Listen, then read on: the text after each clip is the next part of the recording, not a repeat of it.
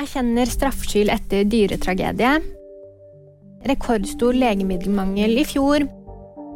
Og Nato og EU etablerer arbeidsgruppe.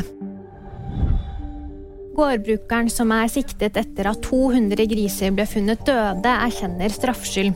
Det var en bekymringsmelding som førte Mattilsynet og politiet til gården i Trøndelag.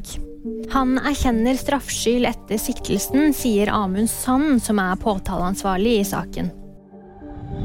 Det er blitt vanskeligere å få tilgang på en rekke legemidler de siste årene. Det skriver Sykepleien. I fjor ble det meldt om mangel på over 1500 legemidler.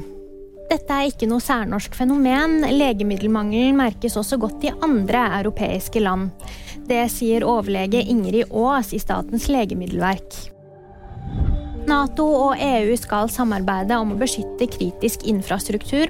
De etablerer en felles arbeidsgruppe som skal jobbe med energi, transport, det digitale rom og verdensrommet. We have seen the sabotage of Nord Stream that has so shown that we need to be ready and that we need to confront this new type of. Det sa leder for EU-kommisjonen Ursula von der Leyen under en pressekonferanse onsdag. Det var VG-nyhetene, og de fikk det av meg, Jamunpreet Gahr.